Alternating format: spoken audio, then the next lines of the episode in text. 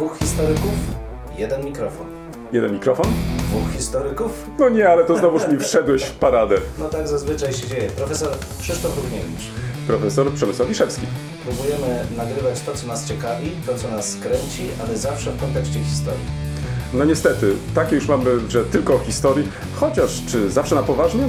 No nie zawsze, a przede wszystkim historia to cały świat. To nie tylko to, co minęło, ale też to, co jest teraz. Chcemy pokazać, że w historii można poznawać się w różny sposób.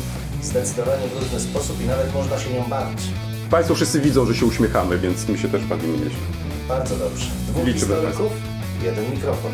Jeden mikrofon? Dwóch historyków.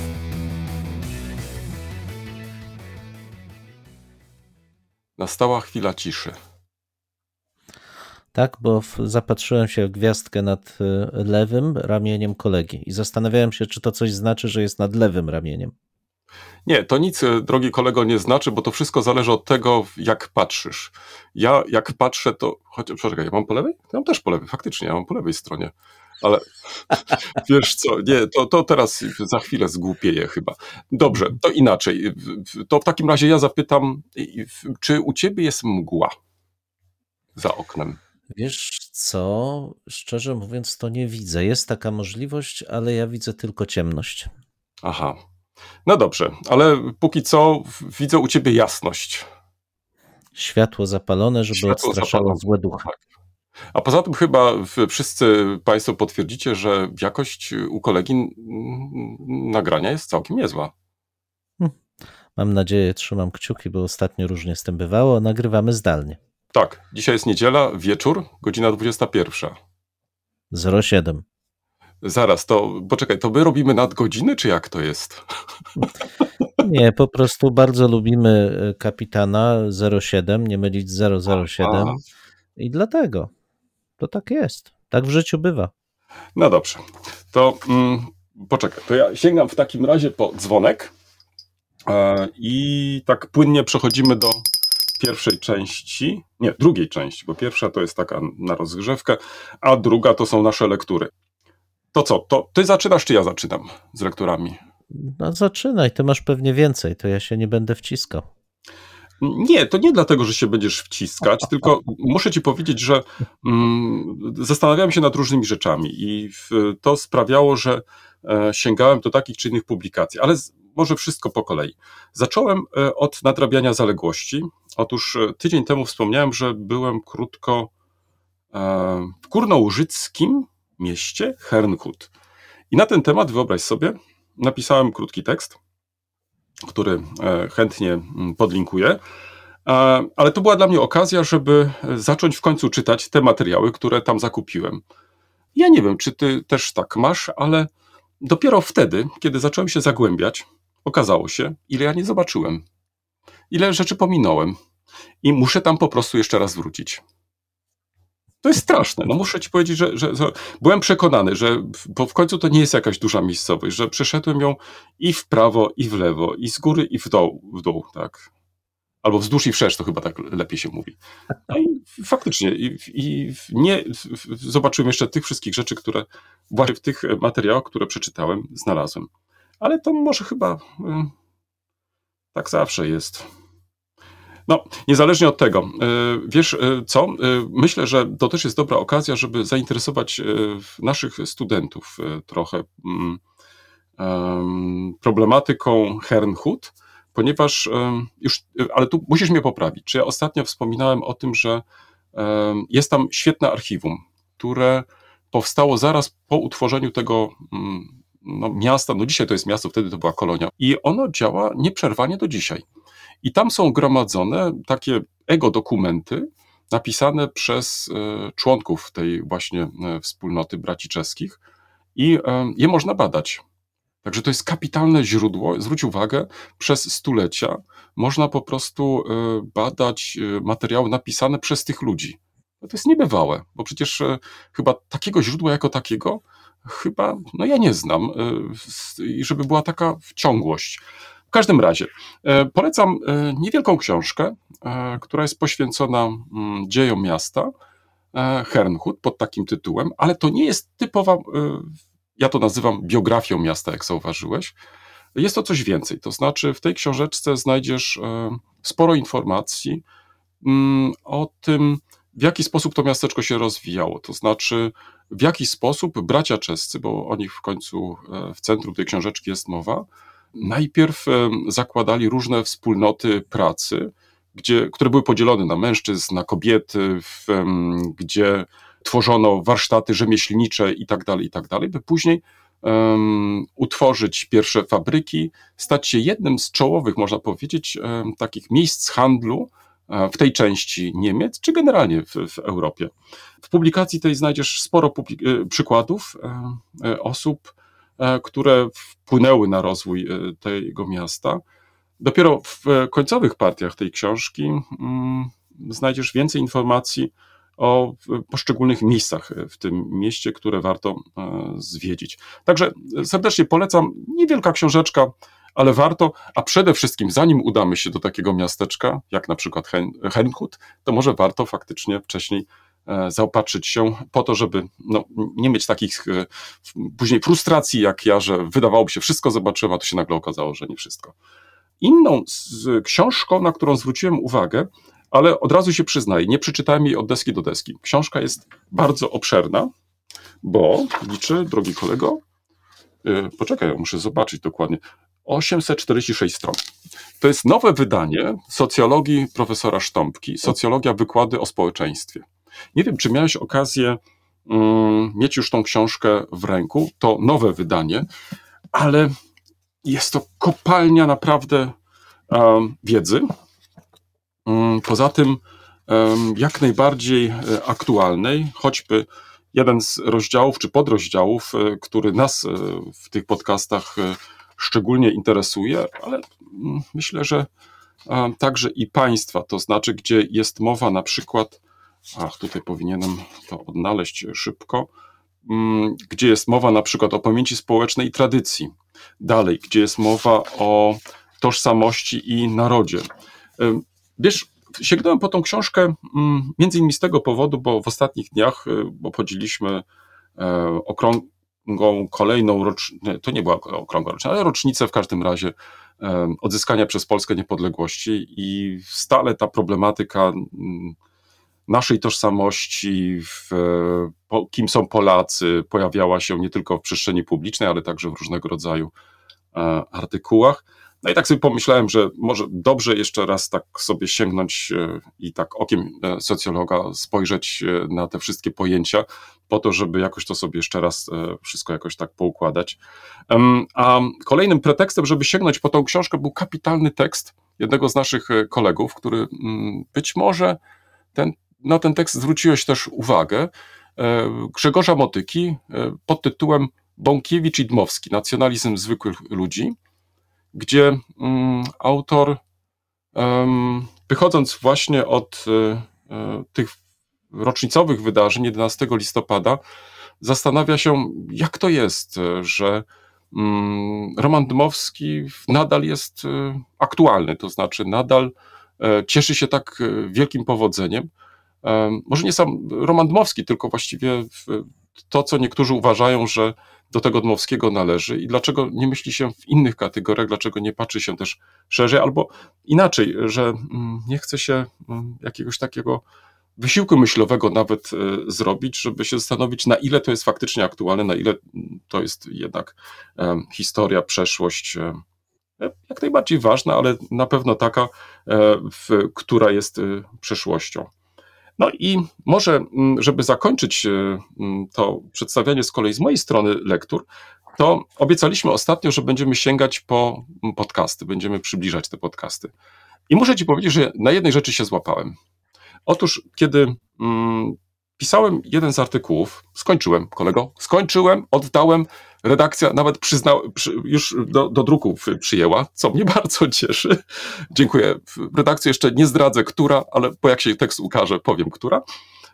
Ale pracując nad tym tekstem, ja nie wiem, czy ty masz podobne y, odczucia, czy państwo także, że mm, oczywiście przeglądamy więcej materiałów, y, zastanawiamy się, które uwzględnić, które nie, i później w trakcie pisania część faktycznie tych materiałów y, odpada.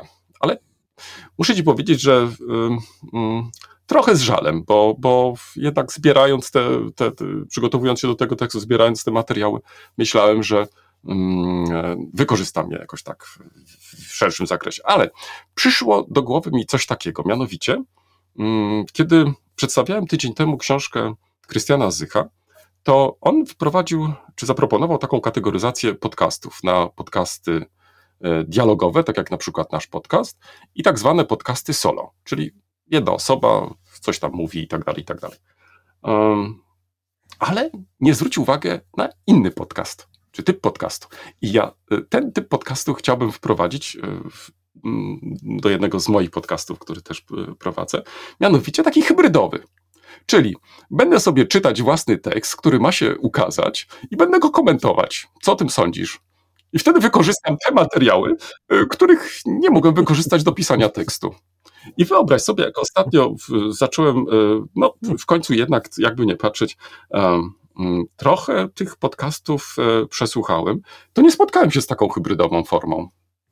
I chciałbym to wypróbować. I ciekaw jestem, jak to wyjdzie. Słuchaj, to jest taki mój mały y, wkład do rozwoju podcastów y, w Polsce, w świecie i tak dalej, i tak dalej. Ale tak poważnie, to mm, na jeden z podcastów chciałem zwrócić uwagę. Wprawdzie nie polski, niemiecki, ale muszę ci powiedzieć, że strasznie mi się on podoba. Mianowicie, ponieważ y, fotografuję marką jednej, o, inaczej, aparatem jednej marki, o, tak często, to mm, od kilku lat y, pan Birnbacher, bo tak się nazywa, mm, proponuje bardzo ciekawe rozmowy właśnie z fotografami, którzy fotografują tą marką. Kapitalne, słuchaj. Słucham to z, zawsze z zapartym tchem, e, bo Mhm. może co jest charakterystyczne, technika jako taka e, robienia zdjęć nie odgrywa tutaj większej roli, tylko bardziej filozofia robienia zdjęć, to znaczy jak e, patrzeć, jak e, e, w, odczytywać światło, e, na co zwracać uwagę, Em, ponieważ e, wśród jego gości są e, naprawdę słaby. No, można tak powiedzieć. Nie dlatego, że wybiera, bo ma bardzo różnych, bardzo zróżnicowane grono też e, swoich gości, ale trafiają się fotografowie, którzy specjalizują się. Jeden na przykład e, w fotografii krajobrazu, jeszcze inny portretu. Ale to wszystko, słuchaj, jak jest opowiedziane. Tak, no tak jak praktycznie jak my sobie tak opowiadamy, wiesz, to ja sobie tak mówię, ty sobie słuchasz, em, za chwilę ty będziesz mówić, ja też będę sobie słuchać. No i tak widzisz, toczy się spokojna rozmowa. To, to, to tak z mojej strony może tyle takich wrażeń. Ja z- zawsze jestem zafascynowany wielością e, Twoich lektur i szerokością. To centymetr jakiś e, miał przed sobą, czy jak? No bo jak szerokość, to tak chcesz centymetrem mierzyć. Nie. Po prostu nie mieścisz mi się na ekranie trochę, trudno Ach, jakoś. Boże, to A to nie dlatego, że zjadłeś drugą tak, kolację. To nie, nie, tak nie o to chodzi. sporo miejsca. Wyobraź sobie, że te klasyczne gwiazdy z No. Herrnhut miały 80 Nie, no centymetrów. Moja niestety nie ma tym. No, O, proszę. no. Ale to widzisz, wszystko przed tobą. Jak ją tam nadmuchasz A odpowiednio, być no, może. się rozrośnie. Okej. Dobrze, ja w takim razie mam dwie mm, bardzo różne lektury i jedną, hmm, jeden artykuł.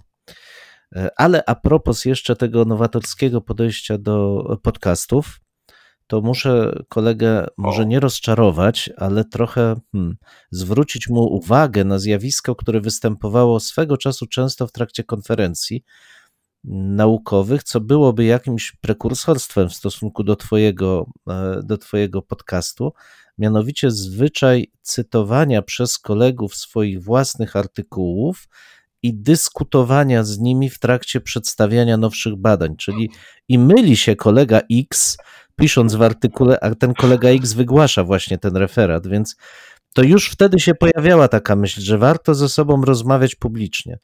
Niektórzy uważali, że to jednostka chorobowa, a niektórzy Mhm. prowadzili to w sposób taki bardzo dystyngowany i pogłębiony, więc Mhm. uważam, To jest że jakaś za, zawolowana warto krytyka. sięgnąć do przeszłości też. Ależ nie, no w życiu, gdyż Ale albowiem zaprawdę powiedzieć, aha, że są tacy i tacy. Tak? Nigdy. Nie no, po prostu tak mi się skojarzyło. Chciałem, No, na takie, kolegę mogę takie życie tak ja naukowe tutaj jest, że są takie jakieś kreatywne, tutaj szukam jakichś No, rozwiązań, a tu proszę, od razu mnie sprowadził na ziemię. Dobrze, dobrze, dobrze. Nie, nie, nie. Rozwiązania kreatywne są bardzo ważne. Dobrze. Więc proszę Państwa, od, y, co do kreatywnych rozwiązań, to może od czego by tu zacząć? No dobrze. Weronika Gogola, UFO nad Bratysławą. Kapitalny zbiór esejów, reportaży dotyczących naszych południowo-wschodnich sąsiadów. Jak może Państwo zauważyli, ja z lubością czytam wiele książek o, o naszych południowych sąsiadach, ale głównie o Czechach. O Słowakach mniej e, do tej pory mi się zdarzało przeczytać. A bardzo ciekawe, nie, nie jestem w stanie powiedzieć jeszcze, czy wybitne, bo jestem gdzieś w połowie książki, ale jest ona na tyle barwna, skrzy się różnymi mm, anegdotami, ale też spojrzeniem na tą rzeczywistość, która jest przecież tak niedaleko nas, a jest bardzo hmm, ciekawie odmienna, że uważam, że warto ją reklamować, warto e, po nią e, sięgnąć. Weronika Gogola, UFO nad Bratysławą. Autorka jest z wykształcenia hmm, ukrainistką, czy może raczej e, znawczynią e, kultur słowiańskich, tak może szeroko można by na to spojrzeć. E, Stąd też te jej refleksje są, użyję tego słowa przeze mnie Mhm. niezbyt lubianego, pogłębione wiedzą na temat funkcjonowania w ogóle tej naszej słowiańskiej ojkumenę niewielkiej, e, nie tylko skupionej na, na Słowakach. Kapitalna książka, naprawdę szczerze, e, szczerze Ale to jest E, esejów, szczerze tak? polecam. E, Jeśli ci wejdę słowo, to Natomiast jest druga esejów, tak? książka- Mhm. Tak, tak jest. Tak, tak. Jest to zbiór esejów, ale one są jakoś poukładane. To nie jest tak, że są to zupełnie mm, jakby przypadkowo zebrane w em, elementy. Tu jest sporo o w polityce, o Meciarze, o jego fenomenie, o Kotlebie, ale jest też e, dużo o takich wątkach kulturowo, powiedziałbym, e, obyczajowych, e, które pozwalają zaj- zajrzeć w tą duszę Słowaka, jeśli można tak powiedzieć. Nie, naprawdę, architektura też się pojawia. Naprawdę bardzo ciekawa książka, będąca plonem wielu lat życia w- na Słowacji w tytułowej Bratysławie, więc to nie jest tak, że jest, jest to wynik jakiegoś takiego zainteresowania krótkotrwałego czy, czy czytelniczego urzeczenia jakąś lekturą. Nie, naprawdę bardzo ciekawa książka. Zresztą wydawnictwo czarne, więc to już samo przez się mówi, że jest to klasyk sam w sobie jako wydawnictwo. A druga książka zupełnie inna. Łukasz Sułkowski, Fuzje Ach. uczelni. Czy w szaleństwie jest metoda? Drugie wydanie. drugie wydanie. Oczywiście trochę zawodowo tym e, po, po, po nią sięgam od czasu do czasu. Bo na rynku polskim to chyba jedyne tak obszerne opracowanie dotyczące e, połączenia różnych organizmów akademickich, ale właśnie z takim otwartym pytaniem, czy warto to robić i, i dlaczego, jeśli w ogóle, dlaczego warto. Mi bardzo odpowiada, bo poza ogólnymi refleksjami i próbami złapania jakichś porównawczych wątków, przede wszystkim skupia się na tym, co jest najbardziej istotne, że jeśli warto, to niekoniecznie dlatego, że chwilowa korzyść za tym stoi, bo te korzyści się zmieniają. Raz z perspektywy jednych będzie to. No więc właśnie. Ale w, warto wtedy, jeśli wartości społeczności akademickich są identyczne albo bardzo zbliżone, bo z takiego połączenia rzeczywiście powstają organizmy, które się wspierają i mogą się rozwijać. Natomiast jeżeli właśnie to DNA, te wartości mm, akademickie są różne, czyli na przykład jedna uczelnia skupia się bardziej na w, em, nie wiem, pozyskiwaniu środków przez wdrożenia, a druga bardziej myśli przede wszystkim o badaniach e, podstawowych i zostawia te wdrożenia daleko gdzieś tam w tyle, to trudno będzie zbudować jedną spójną e, wspólnotę. I pytanie, czy warto, znaczy co za tym stoi. Bardzo mi się podoba to podejście właśnie przez e, pryzmat tego, co jest najważniejsze w funkcjonowaniu co oczywiście też wymusza jakąś refleksję nad e, naszymi wspólnotami, co jest właśnie tym sednem, tym DNA korporacyjnym. Um, ale w, poleciłbym tym, którzy generalnie myślą o tym, czym jest wspólnota akademicka, czy jak do niej podejść. Mhm. Czy są to tylko wskaźniki, czy jest to też e, coś więcej. Bez nadmiernej egzaltacji, ale w sposób taki w, z drugiej strony nie zupełnie technokratyczny. To moim zdaniem jedyne trzeźwe podejście, jakie można by zaproponować, żeby ani nie popaść w nadmierną emocjonalność, ani z drugiej strony nie dać się przytłoczyć takim Mhm. To ja mam dwa pytania, mogę? Przy okazji do, do twojej lektury. Pierwsze to, No, czy ta pewnie. książka jest dostępna w wersji Mhm. elektronicznej? Czy, czy papierowej, tak? Aha. A, okej, dobrze. Ale czyli jest, bardzo. PWN nawet wydało, tak? Czyli w porządku to. to. Zresztą opisy y, podamy. Tak To, jest. a drugie Mhm, pytanie mhm. jest takie, bo wspomniałeś przed chwilą e, o tym, że autor wprowadza też ten taki aspekt porównawczy, bo jak rozumiem, to nie jest tylko jakaś taka diagnoza, którą stawia w, na podstawie obserwacji w naszym kraju i tych uczelni, które już być może albo Mhm. zrealizowały ten e, zamiar, albo są w trakcie realizacji.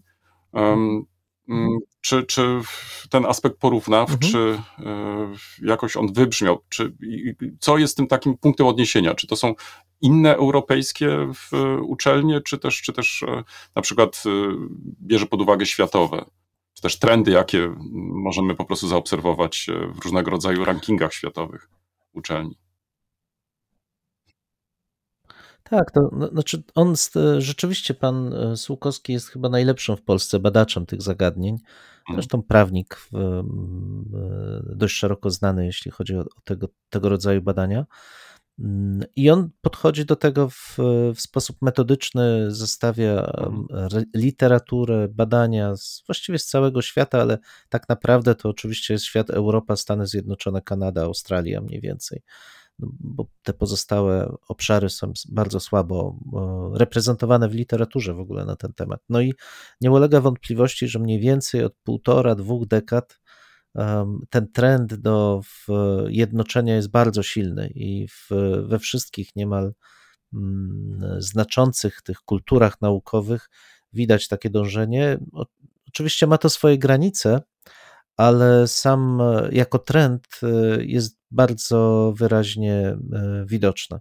Więc warto i pod tym kątem na to spojrzeć.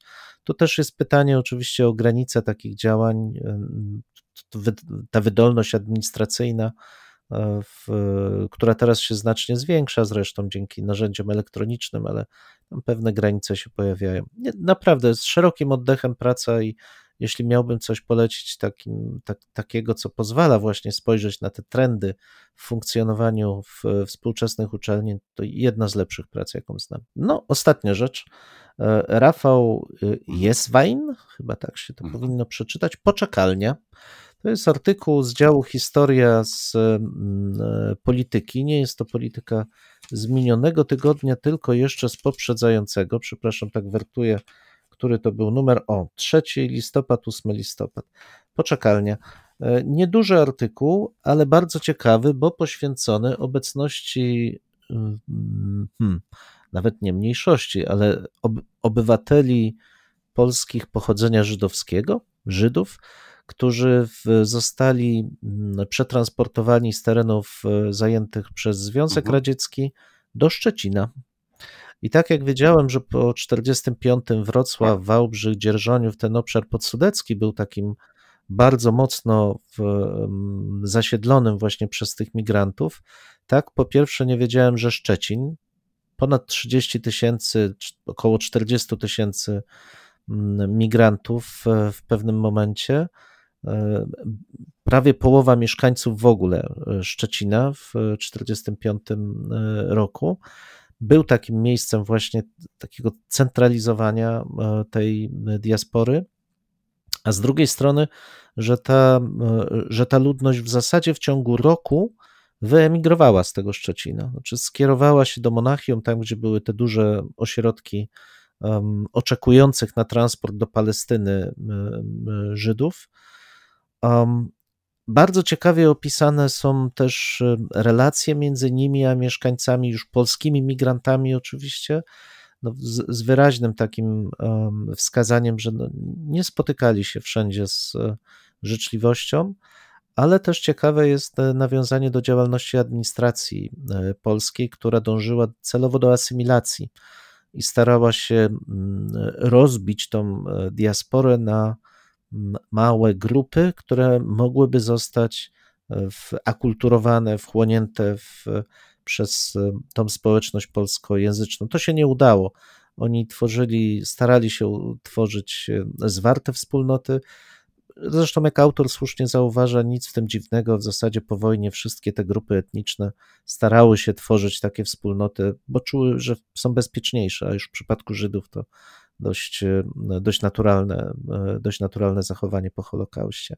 Bardzo ciekawy artykuł, szczerze polecam, bo dla mnie przynajmniej mm, no, był dość e, zaskakujący. Nie wiedziałem, że aż taką skalę w przypadku Szczecina ten, ta migracja przybrała i że tak szybko ci migranci przeszli na, przez granicę do Niemiec i Mhm. skierowali się do Monarchii. to bardzo ciekawe No lektury. Wcześniej w, w, tutaj stwierdziłeś, że jesteś zaskoczony rozległością moich lektur i tak dalej.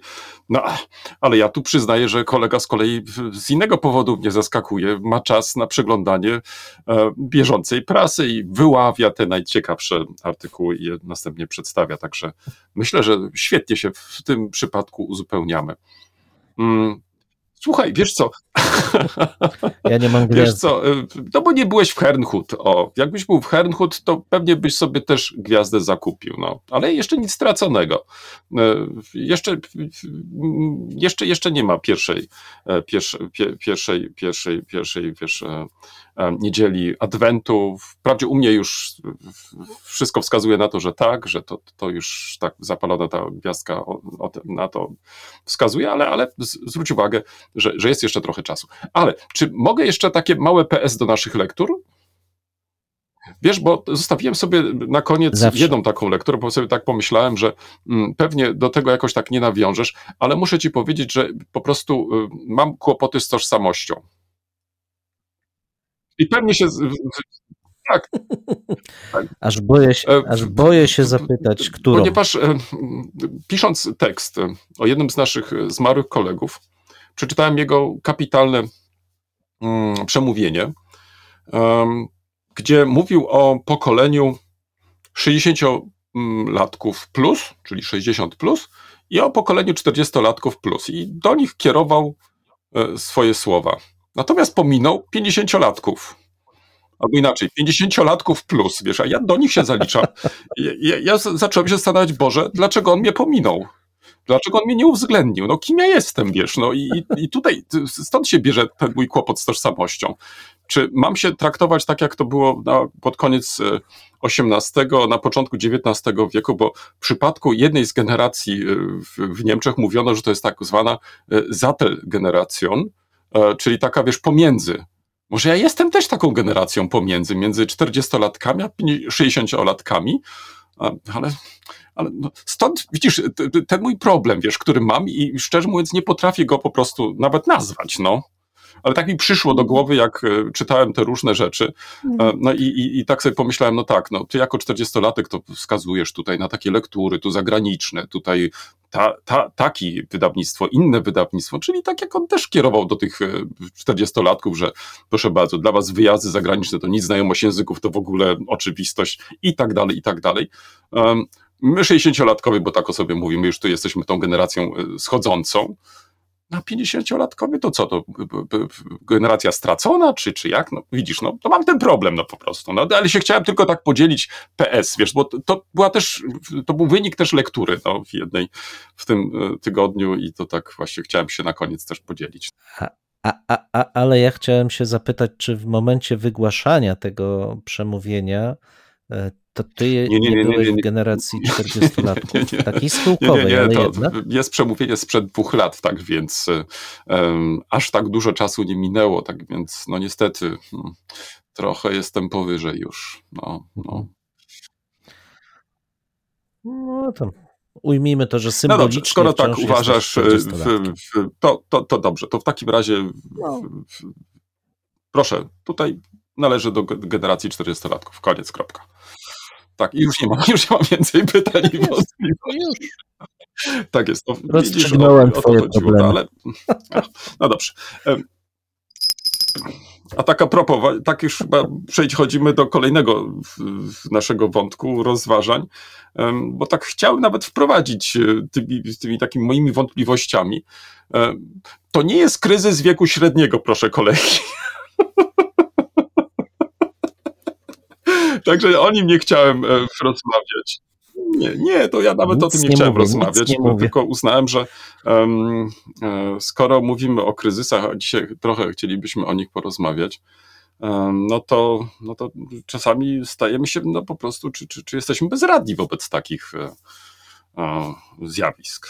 No i, i teraz tak, czy potrafimy sobie wyobrazić e, czasy bez kryzysu? Bo to jest tak trochę inaczej zadane pytanie i pytanie za, zadane przewrotnie trochę, bo dotychczas y, mm, przyzwyczailiśmy się do tego, że e, każdy kryzys powodował, że pokonując go, co jest jakąś chyba taką naturalną, czy takim naturalnym odruchem każdego z nas, wychodziliśmy zawsze jakoś e, bogatsi, to znaczy o te doświadczenia, które um, podczas takiego kryzysu albo pokonywania takiego kryzysu e, robiliśmy.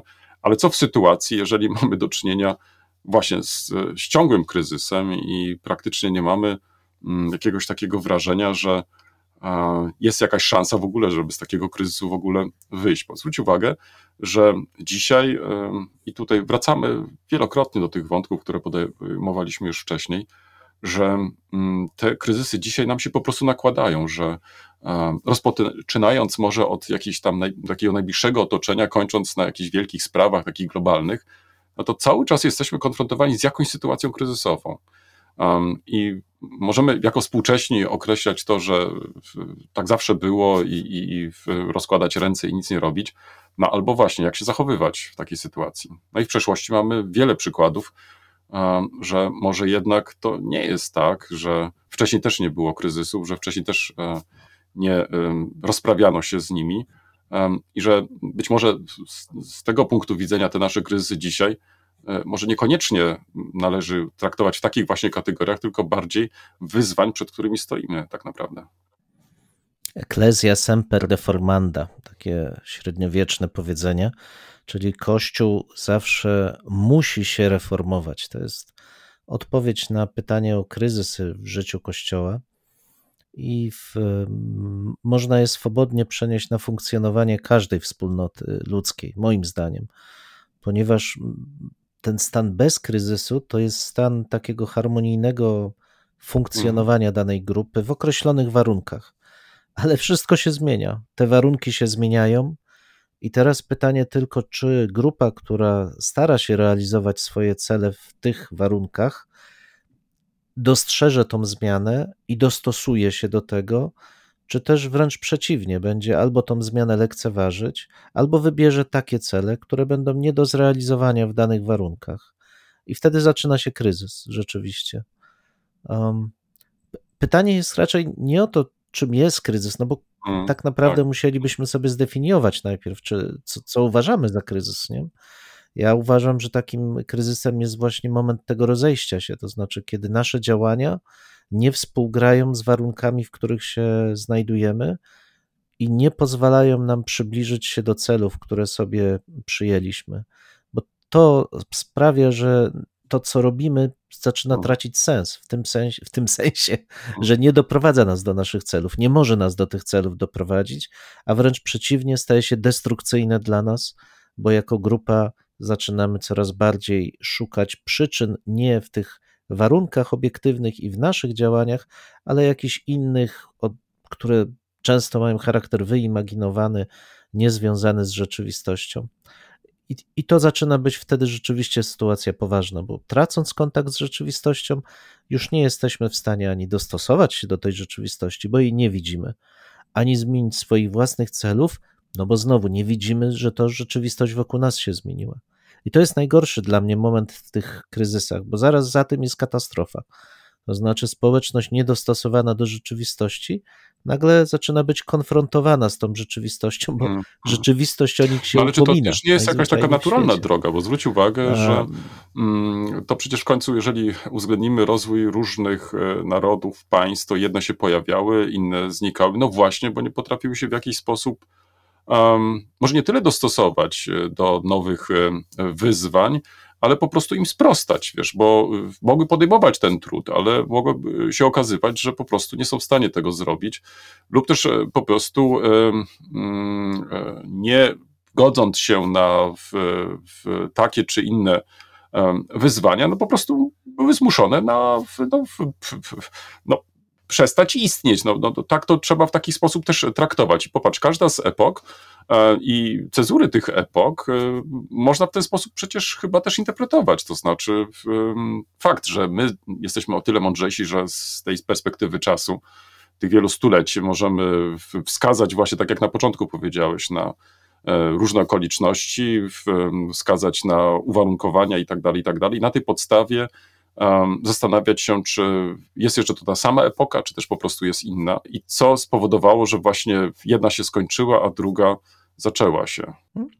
Wiesz, ja patrzę w tym kontekście na takie dwa dla mnie hmm. ciekawe przykłady dwóch miast na Dolnym Śląsku, e, czy na Śląsku w ogóle, Wrocławia i Legnicy, które podjęły swego czasu decyzje polityczne, a w konsekwencji przesądziło to o ich hmm. funkcjonowaniu no chyba do dzisiaj. Wrocław, e, który był stolicą e, księstwa, tak jak i Legnica, wcale nie było przesądzone, że Wrocław e, będzie tym największym miastem i jakby to się nigdy nie zmieni. W XIV wieku staje się miastem królewskim, miastem króla Czech mhm. i zaczyna powoli coraz wyraźniej dominować nad, w tym krajobrazie miejskim na Dolnym Śląsku, już wcześniej zresztą mając silną pozycję. Legnica, która też ma bardzo silną pozycję, w połowie XV wieku próbuje także stać się miastem królewskim. Burmistrz Ambroży Biczen przeprowadza tam taką małą rewolucję, chce odsunąć piastów, którzy akurat są w takiej e, nietypowej sytuacji, że mogliby rzeczywiście utracić władzę nad księstwem legnickim i nad Legnicą Biczen ofiarowuje władzę nad Legnicą królowi Czech. Ten niby się zgadza, ale nie do końca chce się kłócić z Piastami. W końcu Piastowie zdobywają z powrotem władzę, bo sami mieszczanie porzucają swojego przywódcę i wolą zachować e, bardziej tradycyjny model funkcjonowania miasta.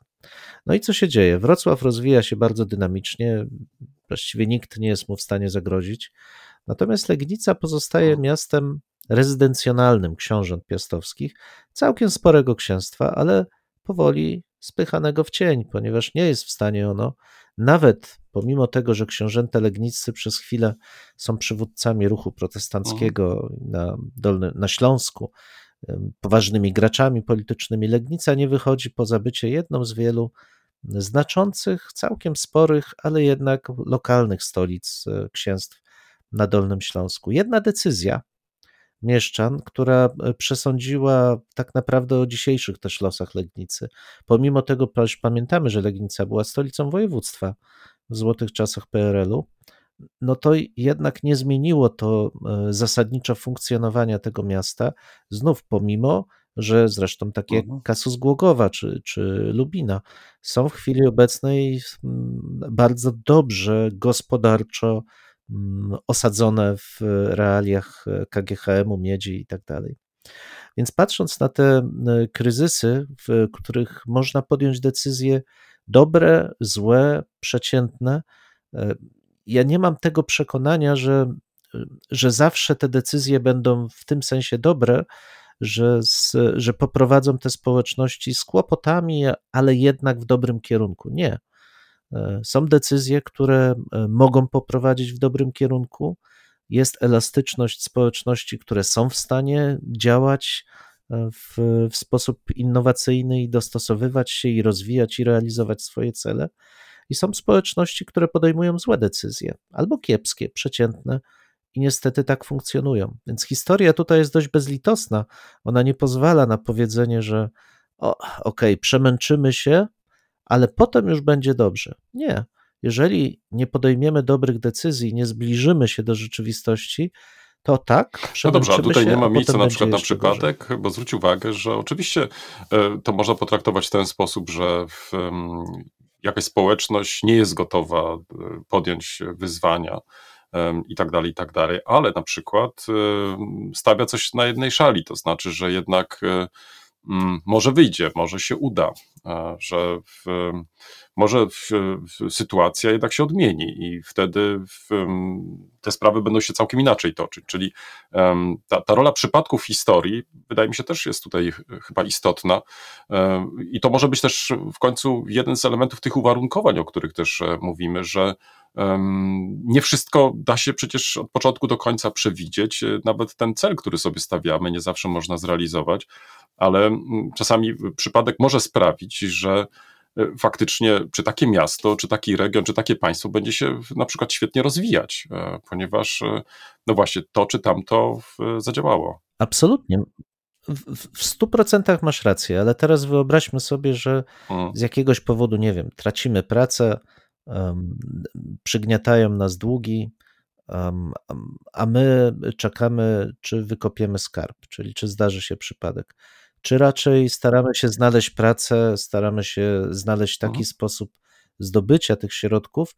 Oczywiście możemy grać jednocześnie w lotka, w totolotka, w cokolwiek, ciągnąć losy, ale to jest pytanie o ten zasadniczy mhm. cel. Czy zbliżamy się do rzeczywistości, czy też nie? Wiesz, ja nie bez kozery o tym mówię, o tym zbliżaniu do rzeczywistości, bo zszokowały mnie trochę badania, które zostały przeprowadzone jakiś czas temu, chyba latem tego roku, i, i dopiero niedawno zobaczyłem ich wyniki dotyczące umiejętności obywateli państw europejskich rozwiązywania prostych problemów z zakresu matematyki, ale też prostej wiedzy takiej y, basic science, powiedziałbym, z fizyki, z um, historii tam nie było, to było science.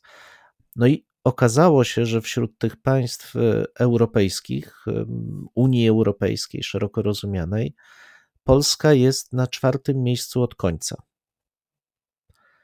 Większość e, naszych obywateli nie potrafiła z 11 problemów rozwiązać dobrze więcej niż czterech. To jest dramatyczne, bo to, to pokazuje, to nie były małe próby, od razu powiem, że to nie było 20 osób, tam kilkadziesiąt tysięcy osób było przebadanych. To pokazuje, że mamy ogromny problem edukacyjny, że nasi e, współobywatele mogą po prostu nie rozumieć skomplikowanych mechanizmów, które Mhm. ich em, decydują o ich życiu, a w związku z tym, czy będą w stanie podjąć decyzje dotyczące funkcjonowania swojej wspólnoty zgodne z rzeczywistością. Strasznie mnie to zaniepokoiło. Muszę Ci powiedzieć, że jestem naprawdę wstrząśnięty i też dlatego, że dziwnym trafem współgra to między innymi z poziomem wyszczepienia. Najgorszy, na, najgorszy wynik w tym teście miała bodajże miał tak. Cypr, Grecja, Rumunia. Mm.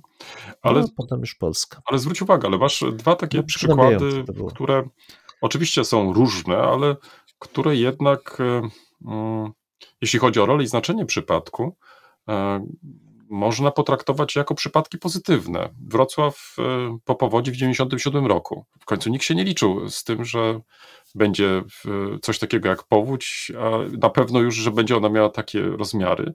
Jednak e, udaje się miastu wyjść obronną ręką. E, Początkowo to wszystko przecież strasznie wyglądało, ale jednak zaangażowanie samych e, mieszkańców miasta. Przypomnij sobie, że wcześniej rozpoczęto te szeroko zakrojone prace renowacyjne rynku i innych centralnych miejsc we Wrocławiu, czyli to jest też taki moment, gdzie można mówić o tym, że w, powstało to takie mm, przeświadczenie bycia wrocławianinem, czyli katastrofa w, wpłynęła w, na dokończenie tego procesu, który przecież rozpoczął się już bardzo dawno.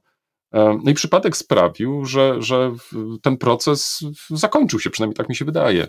E, I że mm, mimo tej katastrofy to miasto dalej się mogło rozwijać, właśnie poprzez swoich obywateli, poprzez e, politykę miasta i tak dalej, i tak. To był pierwszy przypadek. Drugi natomiast, e, przypominasz sobie też i pewnie Państwo e, także, sprawę Złotego Pociągu i Wałbrzycha. To prawda, że tego pociągu nie znaleziono, ale dzisiaj czytasz, że mm, wpłynęło to w sposób znaczący na rozpropagowanie tego miasta, nie tylko w Polsce, ale generalnie jako takiego miejsca w, turystycznego na mapie, które warto zwiedzić, kiedy, gdzie warto zobaczyć. jak długo będzie się z tego korzystać, trudno powiedzieć, no ale coś, co jest y, nierealne, bo przecież od, chyba od początku do końca było wiadomo, że z tym pociągiem to tak chyba. No, nie chcę teraz y, tutaj może kogoś y, obrazić, ale że to, to, to chyba wszystko jest jakieś takie jakoś wyssane z palca i tak dalej.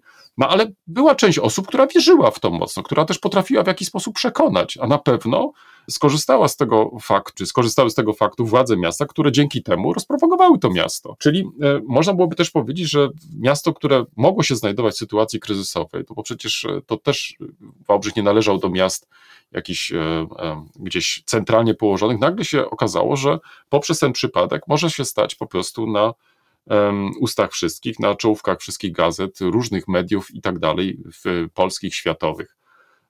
Możesz powiedzieć, że co to dowodzi? No to, to tutaj pokazuje tylko tym samym, że e, czasami te sytuacje mogą być bardzo różne, one mogą być też różnie wykorzystane.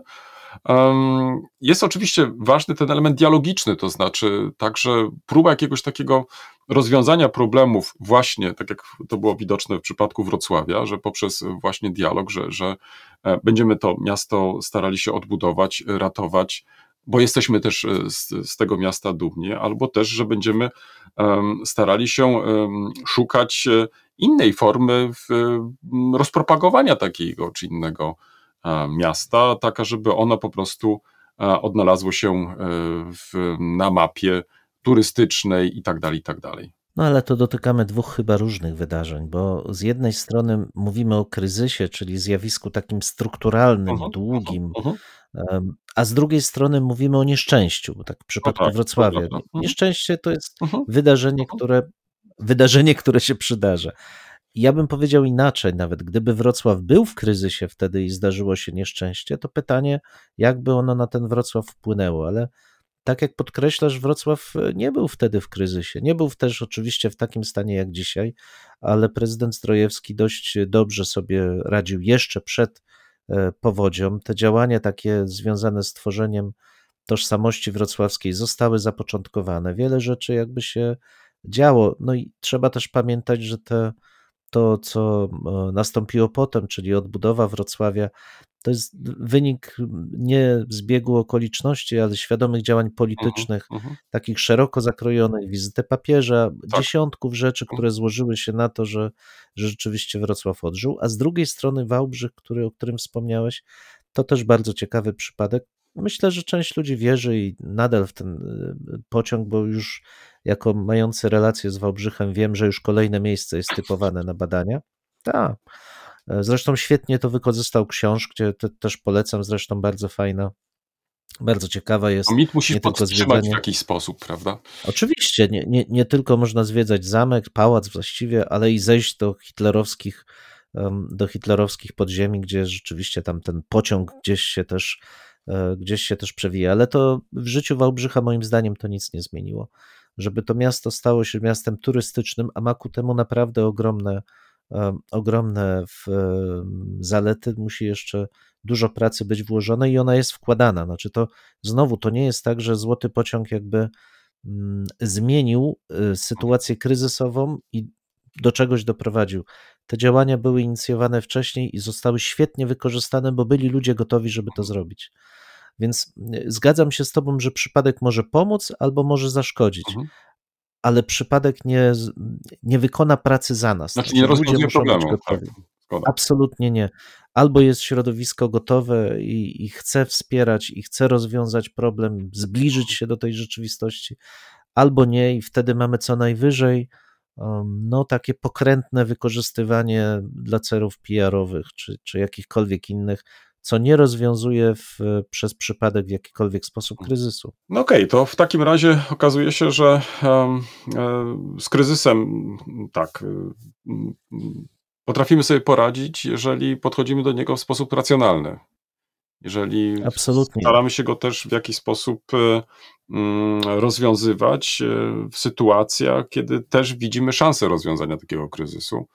z pewnością sami też nie jesteśmy w stanie go rozwiązać i tutaj w historii spotkamy wiele przypadków, gdzie potrzebna była pomoc z zewnątrz, żeby takie kryzysy e, też rozwiązywać i po to tworzymy takie czy inne związki międzypaństwowe, żeby właśnie czy to w, w okresie powodzi, czy też nawet i dzisiaj, kiedy stoimy przed kolejnym kryzysem, na przykład migracyjnym, żeby te sprawy nie rozwiązywać samemu, tylko rozwiązywać je wspólnie, w końcu w jednoczącej się Europie, bo wydaje mi się, że ten wątek jest tutaj jest, y, nie mniej ważny. Innym chyba doświadczeniem, które robiliśmy w przeszłości, że em, sami być może w, tych kryzysów nie jesteśmy w stanie rozwiązać, że potrzebne są po prostu e, związki w, narodowe, międzynarodowe, instytucjonalne, międzypaństwowe czy ponadpaństwowe, e, taka, żeby móc je po prostu sensownie rozwiązać. Absolutnie tak. To zresztą to widać chyba na każdym kroku, że jeżeli myślimy o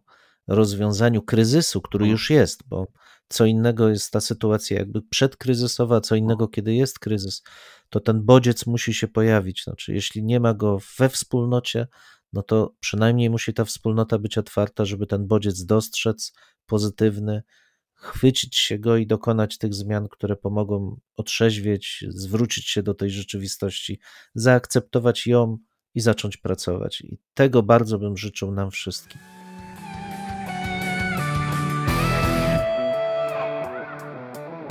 W tym miejscu stawiamy kropkę lub też jak to woli, kropkę nad i. No, mamy nadzieję, że to nie jest koniec, że to jest początek Waszych dyskusji. Mam nadzieję, że Was zaciekawiliśmy. Prosimy o komentowanie naszych zmagań z historią. Poniżej zdjęcia jest wystarczająco dużo miejsca. I pamiętajcie, nie regulujcie odbiorników. Mamy naprawdę tak już. E, tak, chociaż być może czasami e, może trzeba ściszyć. no może czasami ten nasz rekord by się przydało wyciąć nawet. Dwóch historyków? Jeden mikrofon. Jeden mikrofon? Dwóch historyków. 50.